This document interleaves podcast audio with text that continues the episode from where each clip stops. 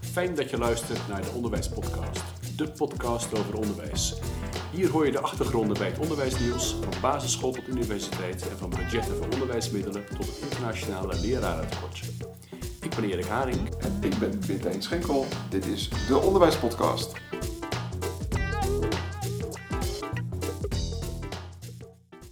Welkom luisteraars bij de achtste aflevering van onze podcast. Vorige keer spraken we met Matt van Loo over het verzamelen van data over docenten. En vandaag hebben we een gesprek met Peter de Zoete en Paul Vermeulen. Peter is schoolleider en was onlangs ook al in een aflevering van onze podcast. Ja. Ja, en hij gaf toen de voorzet voor het datagedreven onderwijs. Nou, en van hem willen we natuurlijk graag horen hoe een schoolleider zijn team van docenten meekrijgt om dat datagedreven onderwijs ook echt te starten. Ja, nou dat is heel mooi, want dat, eh, de tweede gast die we hebben is Paul Vermeulen. En die sluit daar ontzettend mooi bij aan. Mhm. Paul is eigenaar van QSense. Dat is een bedrijfje dat scholen ondersteunt eh, in hun wensen en vragen over hoe nou te werken met data. Hoe ga je daar nou mee om? En wat vraagt dat van een schoolorganisatie om te gaan werken hiermee? Dus eh, hij doet dat. En ik wat mooier vind aan zijn bedrijf, wat ik zag, is dat hij eh, vooral naar nieuwsgierigheid zoekt. Hoe kan nou Mhm. een school nieuwsgierig worden? Hoe kan het nog beter? Ja. Zijn bedrijf heet QSense en die Q staat, heb ik begrepen van de website, voor The Questioning Mind. Dus hij wil eh, me- mensen aanmoedigen, blijf vragen stellen. Nou, heel mooi. Ik ben benieuwd naar het gesprek. Welkom terug, beste luisteraars. Wij gaan verder met het gesprek. En we hebben nu eh, in onze podcast twee gasten: eh, Peter de Zoete en Paul Vermeulen. Peter de Zoete eh, is rector van het Kennemer Lyceum in Haarlem. En eh, Paul Vermeulen is eigenaar van QSense. Eh, hij doet veel meer in het onderwijs, maar dit is, eh, voor deze rol willen we graag dit, dit gesprek zijn mening weten.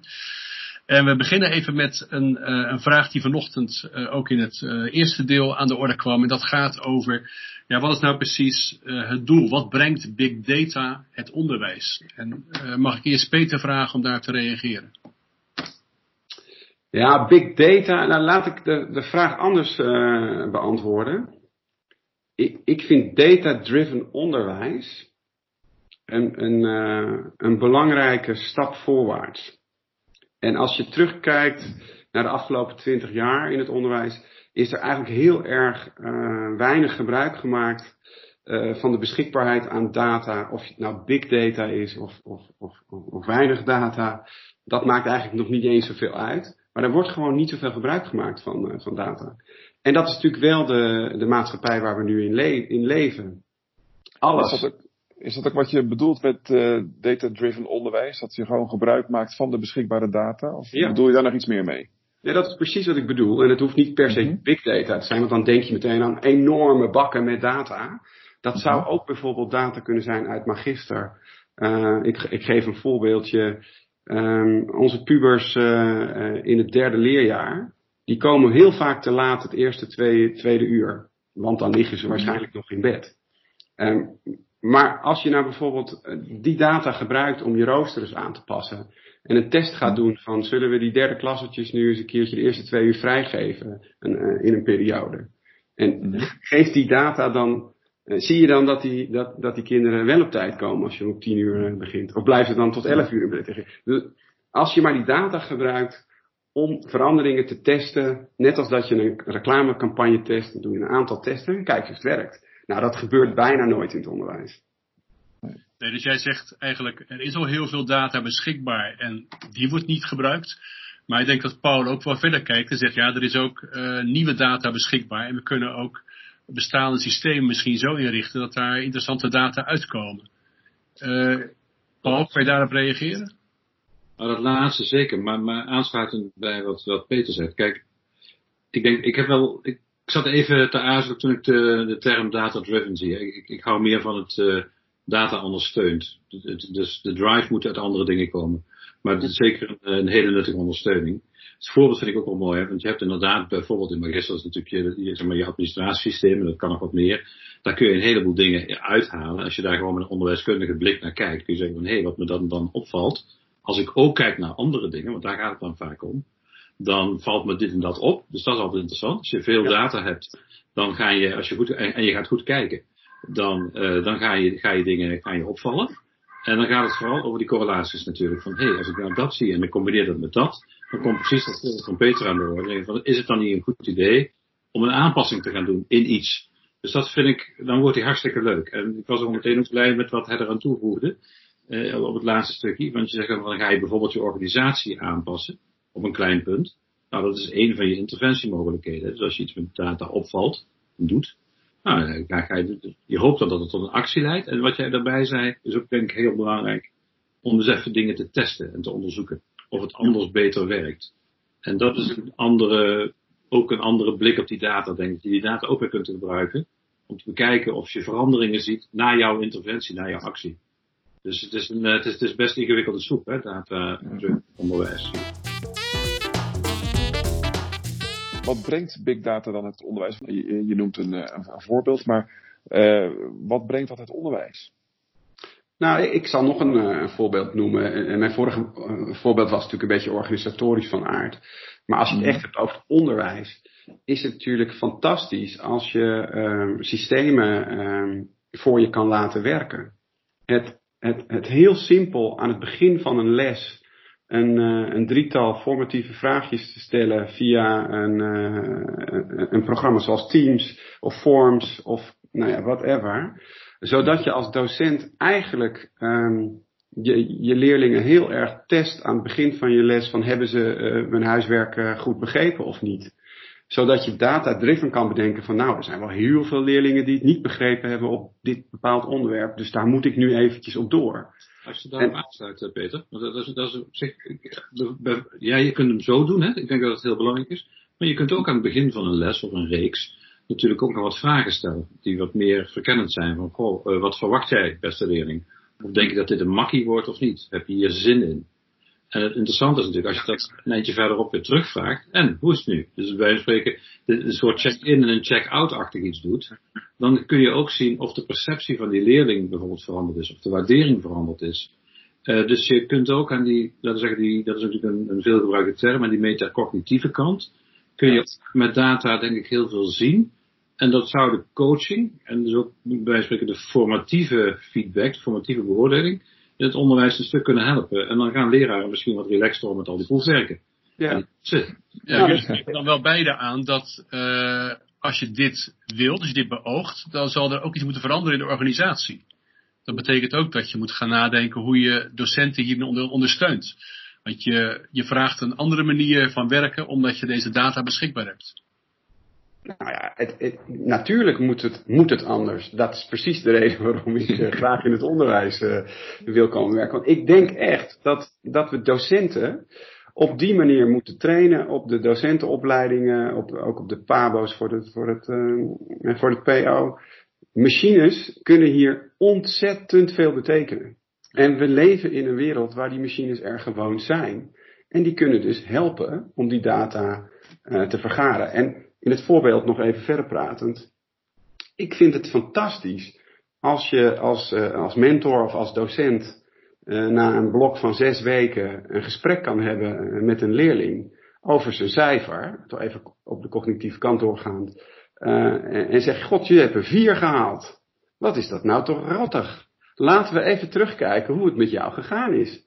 Nou, dat is toevallig. Al die formatieve testjes die we in de afgelopen zes weken gedaan hebben, die heb jij heel slecht gemaakt. Het is eigenlijk helemaal niet zo gek dat jij een 4 hebt gehaald. Of, hé, hey, jij hebt een 4 gehaald, maar die tussenstapjes, die heb je eigenlijk hartstikke goed gedaan.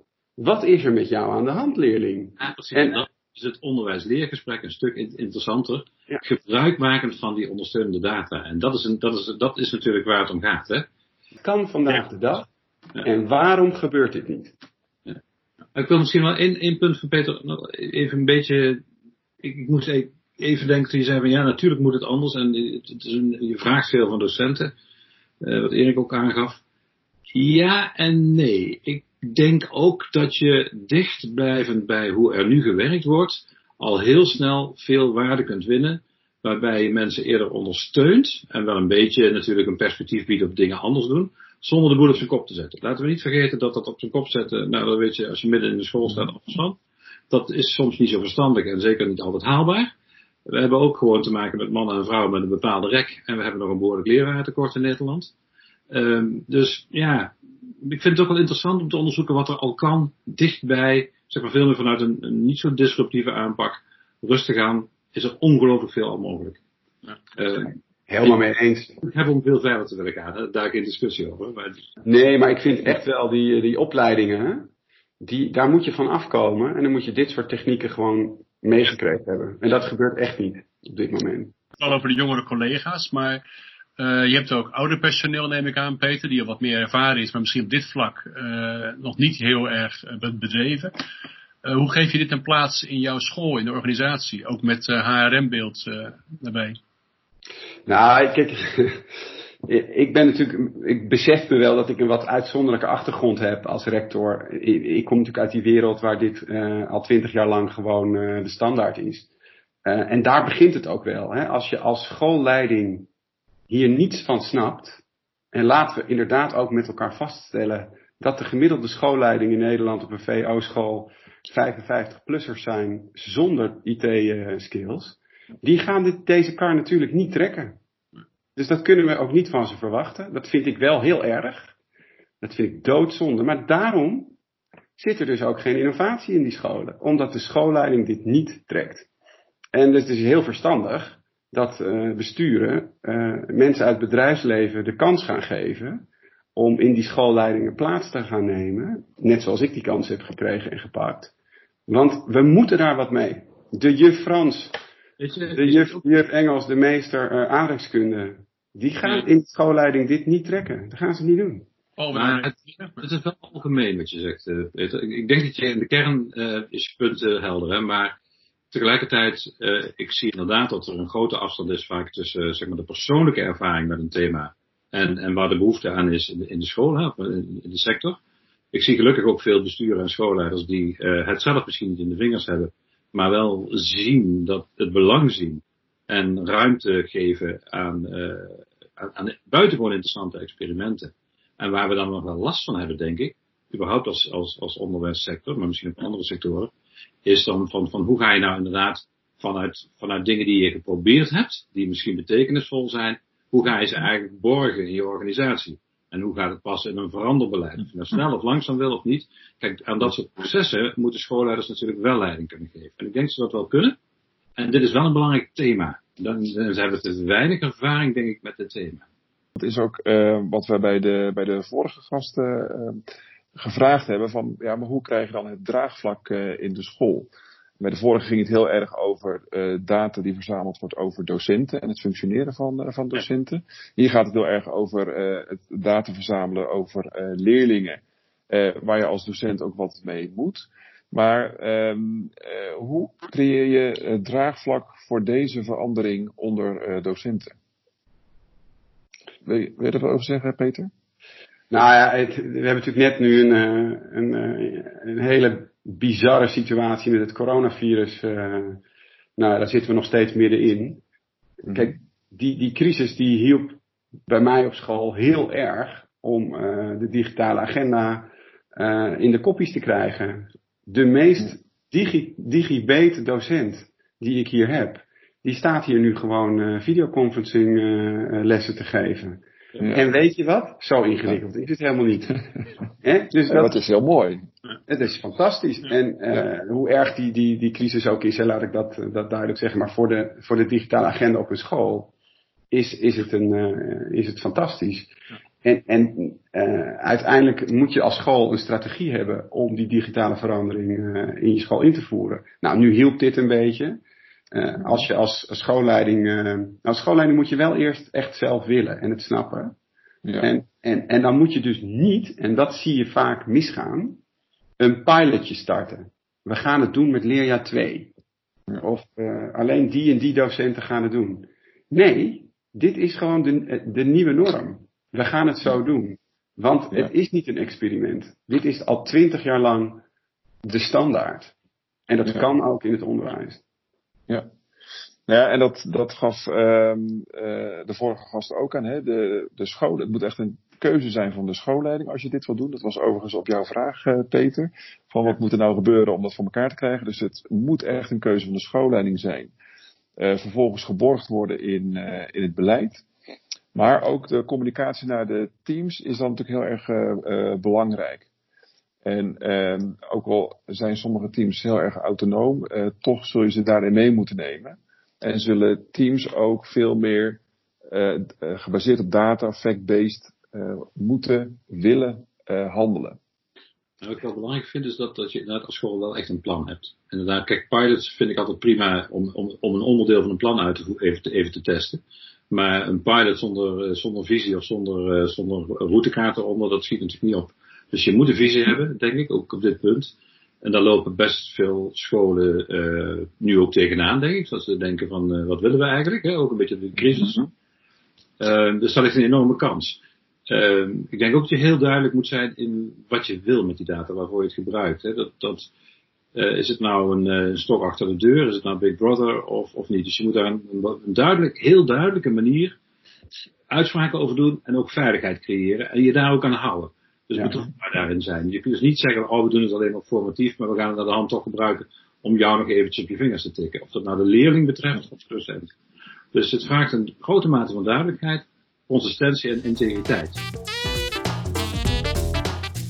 Mooi dat je dat noemt, eh, Paul. Dan komen we bij, misschien bij het eh, een volgend onderwerp in onze podcast. En dat is eh, de, de, er ook wel implicaties zijn als je hiermee gaat werken. Eh, en er zitten wat e- ethische kanten aan, denk ik, en wat technische de- kanten aan. Maar eh, ik zou graag jullie mening willen horen over eh, ja, wat zijn de risico's? Hoe voorkom je dat eh, data gedreven of data eh, gefundeerd onderwijs ehm, ja, mensen eh, stigmatiseert of dat dat eh, heel lang achter hen, hen, hen, zich, eh, hen achtervolgt. Ik wil daar wel wat over zeggen. Kijk, het is een, een, een hele gevaarlijke business, hè, die, die, datakant en de, de privacykant met name daarvan. Dus je moet daar inderdaad heel erg mee oppassen. Eh, de vrienden van Google, Facebook, eh, ja, dat zijn best ingewikkelde partijen. Ze zijn daar wel overigens heel open in. Hè? Dus als je met ze in zee gaat, dan krijg je wat van ze terug. Eh, en je hoeft niet zoveel te betalen. Maar ze nemen heel veel van je af. Eh, mijn eh, vorige werkgever gaat daar iets eh, beter mee om. Da- Daar ben ik heilig van overtuigd. Maar hebben natuurlijk diezelfde trucendoos ook wel openstaan. Zeker als je kijkt naar LinkedIn, hè, dat is ook van Microsoft. Die doen de- dezelfde nare trucken als, als, als Google natuurlijk ook doet. Maar wat je voor je interne organisatie goed op orde moet hebben, is dat je het kan uitleggen. Zelfs als het betekent dat, eh, dat die data gebruikt wordt voor bijvangst. En, eh, eh, en heel veel mensen zijn toch gewoon heel erg bewust toch lid van Facebook. Omdat ze er genoeg voor terugkrijgen, zodat ze die data willen blijven delen. En dat moet je in die schoolsituatie ook kunnen creëren. En dat kan. Dat is een hele belangrijke. Die, dit, het punt van, van, is het de moeite waard eigenlijk? Ja. En is het dus ook een zeker risico waard? Dat, dat is denk ik, dat is de kern.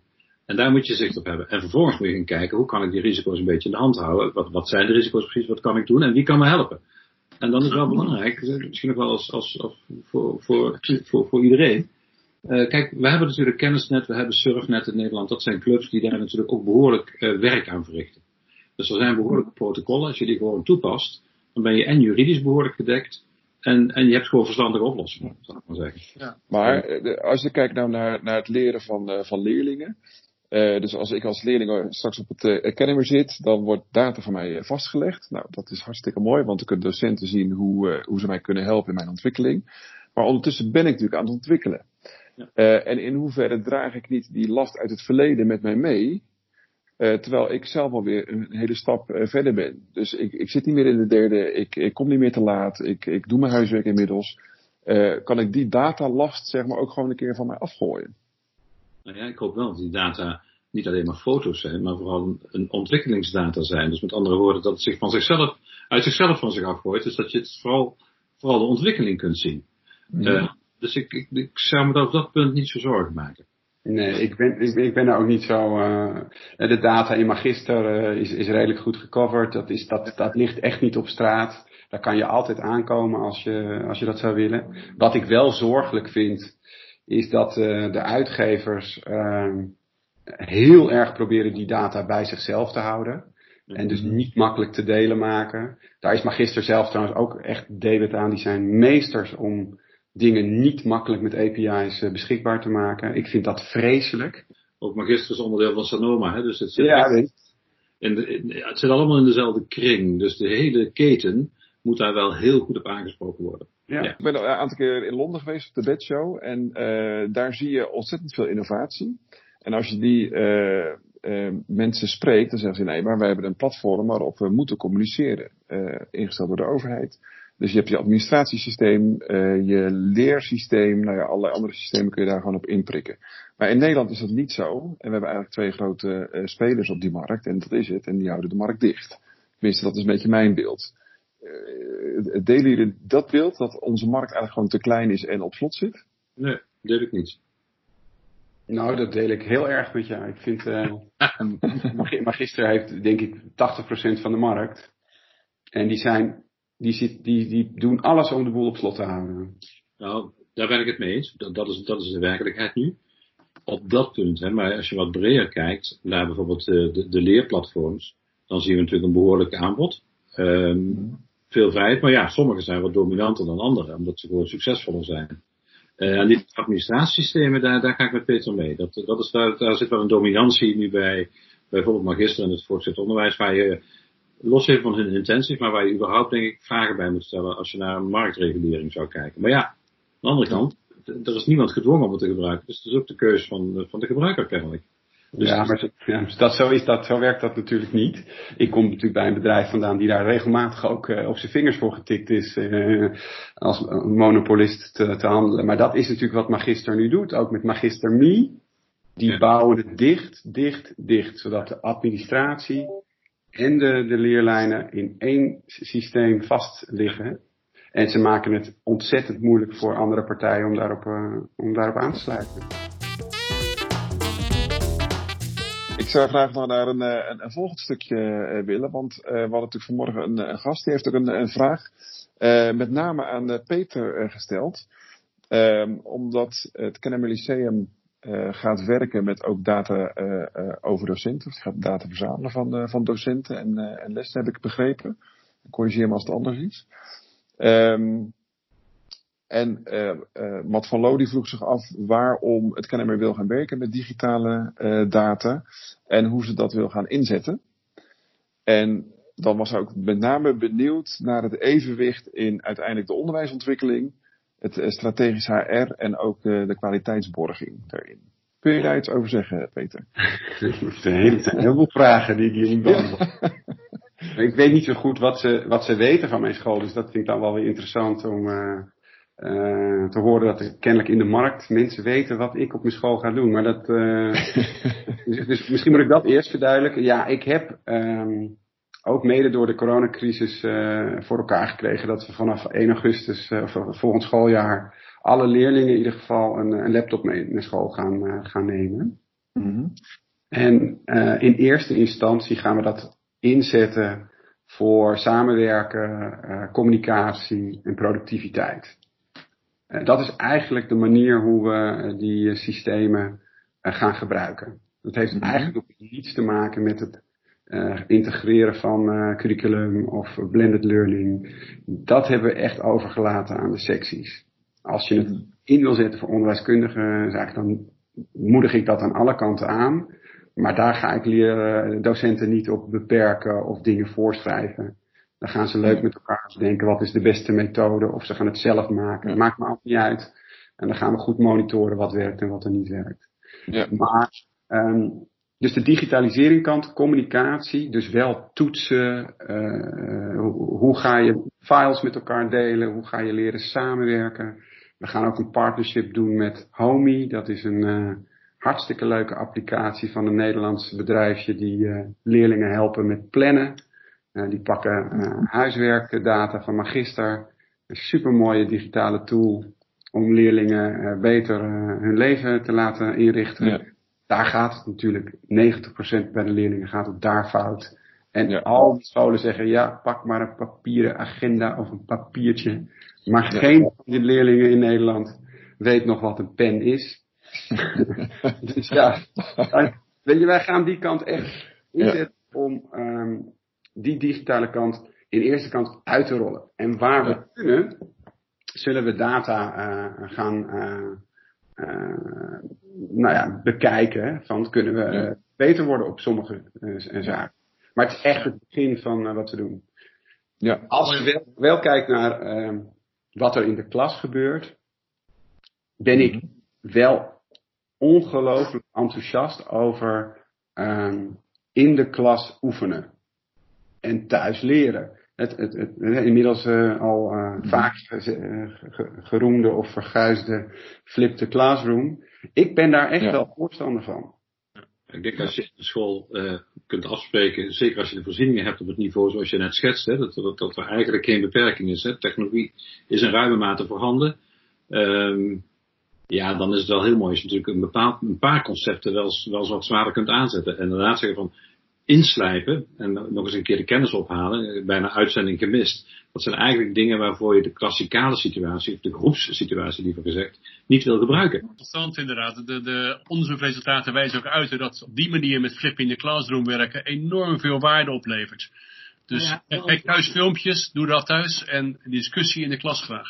Ja, en, en kijk wat dan je rijke leervormen zijn die in die schoolomgeving doet, samen. Sociaal interactief leren enzovoort. We weten allemaal dat daar heel veel te halen valt, ook als het gaat om motivatie en leeropbrengsten. En dan kom je nog wel weer in een ander punt. Als je dan gaat kijken van, goh, en wat zou je rondom dat type leeractiviteiten vervolgens ook willen waarnemen?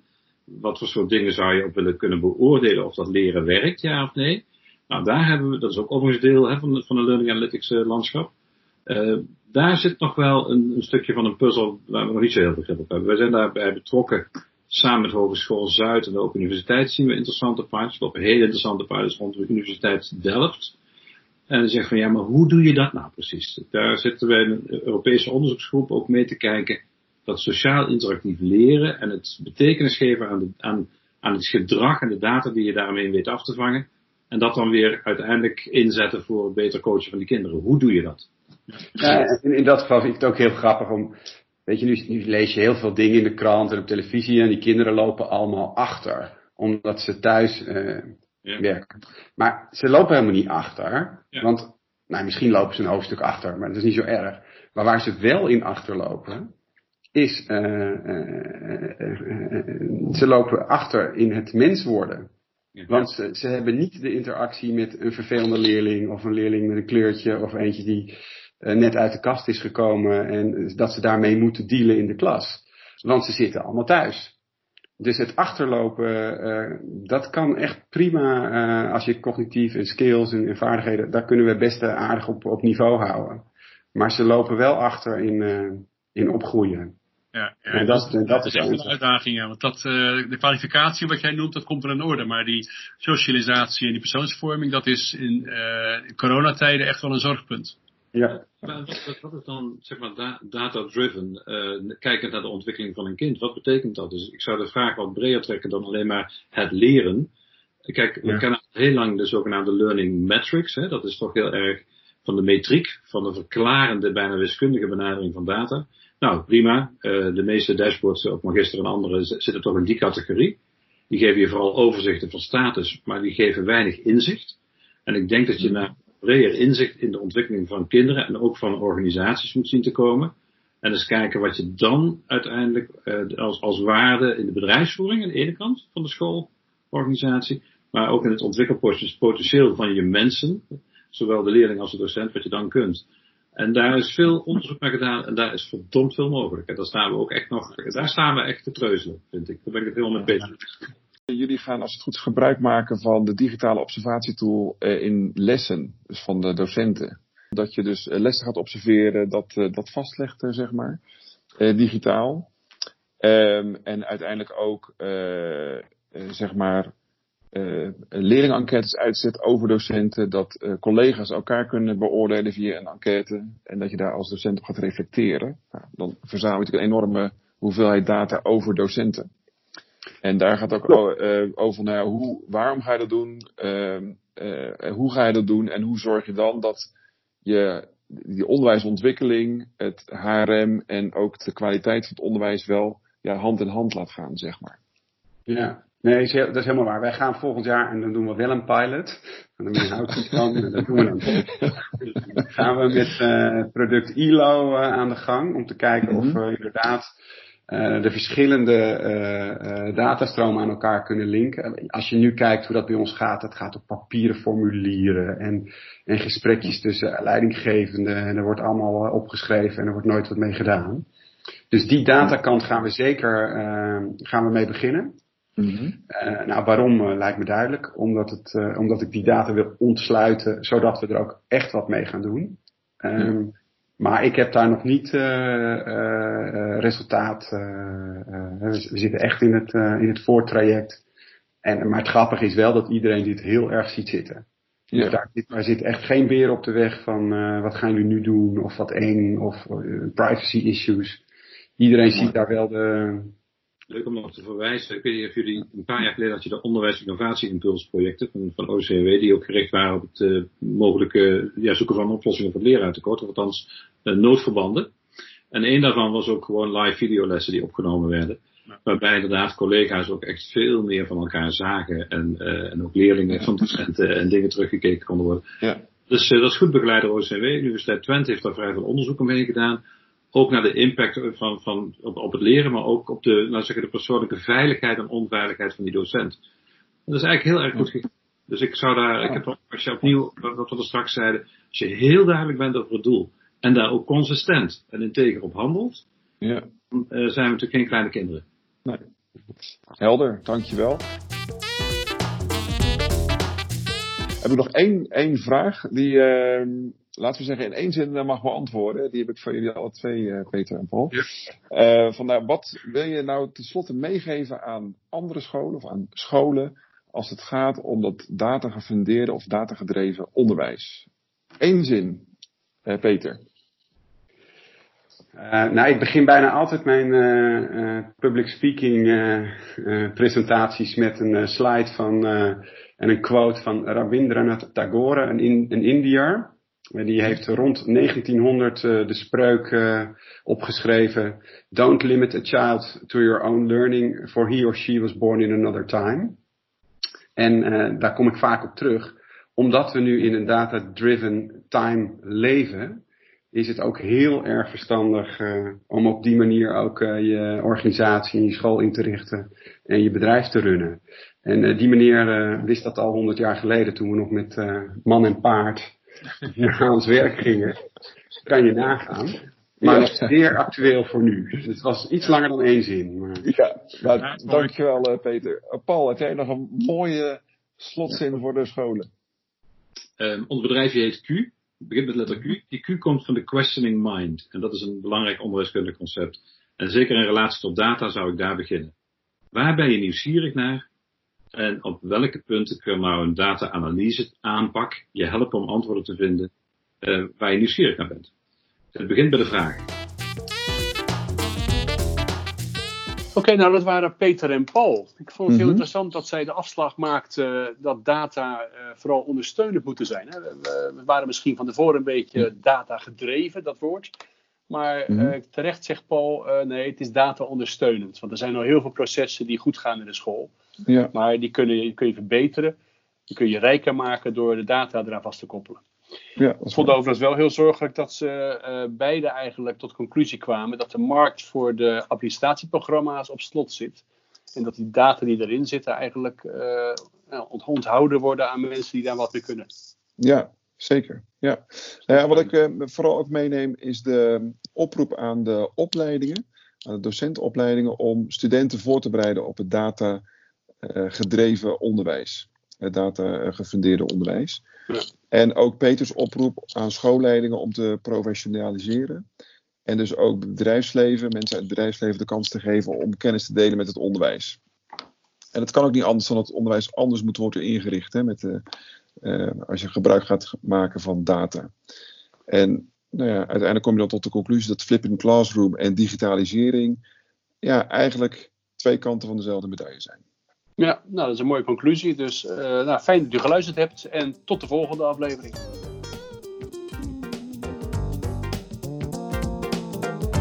Dank dat je luisterde naar de Onderwijspodcast. Kijk voor meer informatie op de website onderwijspodcast.nl. Wil je graag dat we een bepaald onderwerp bespreken in deze podcast? Of wil je zelf graag deelnemen aan deze podcast of een uitzending bij jou op locatie laten opnemen? Stuur dan een mail naar info.onderwijspodcast.nl De techniek van deze opname was in handen van Sanne van Vught en de muziek die in deze podcast hoorde is van Nameless Dancers en heet Hot Funky Body. Tot de volgende onderwijspodcast.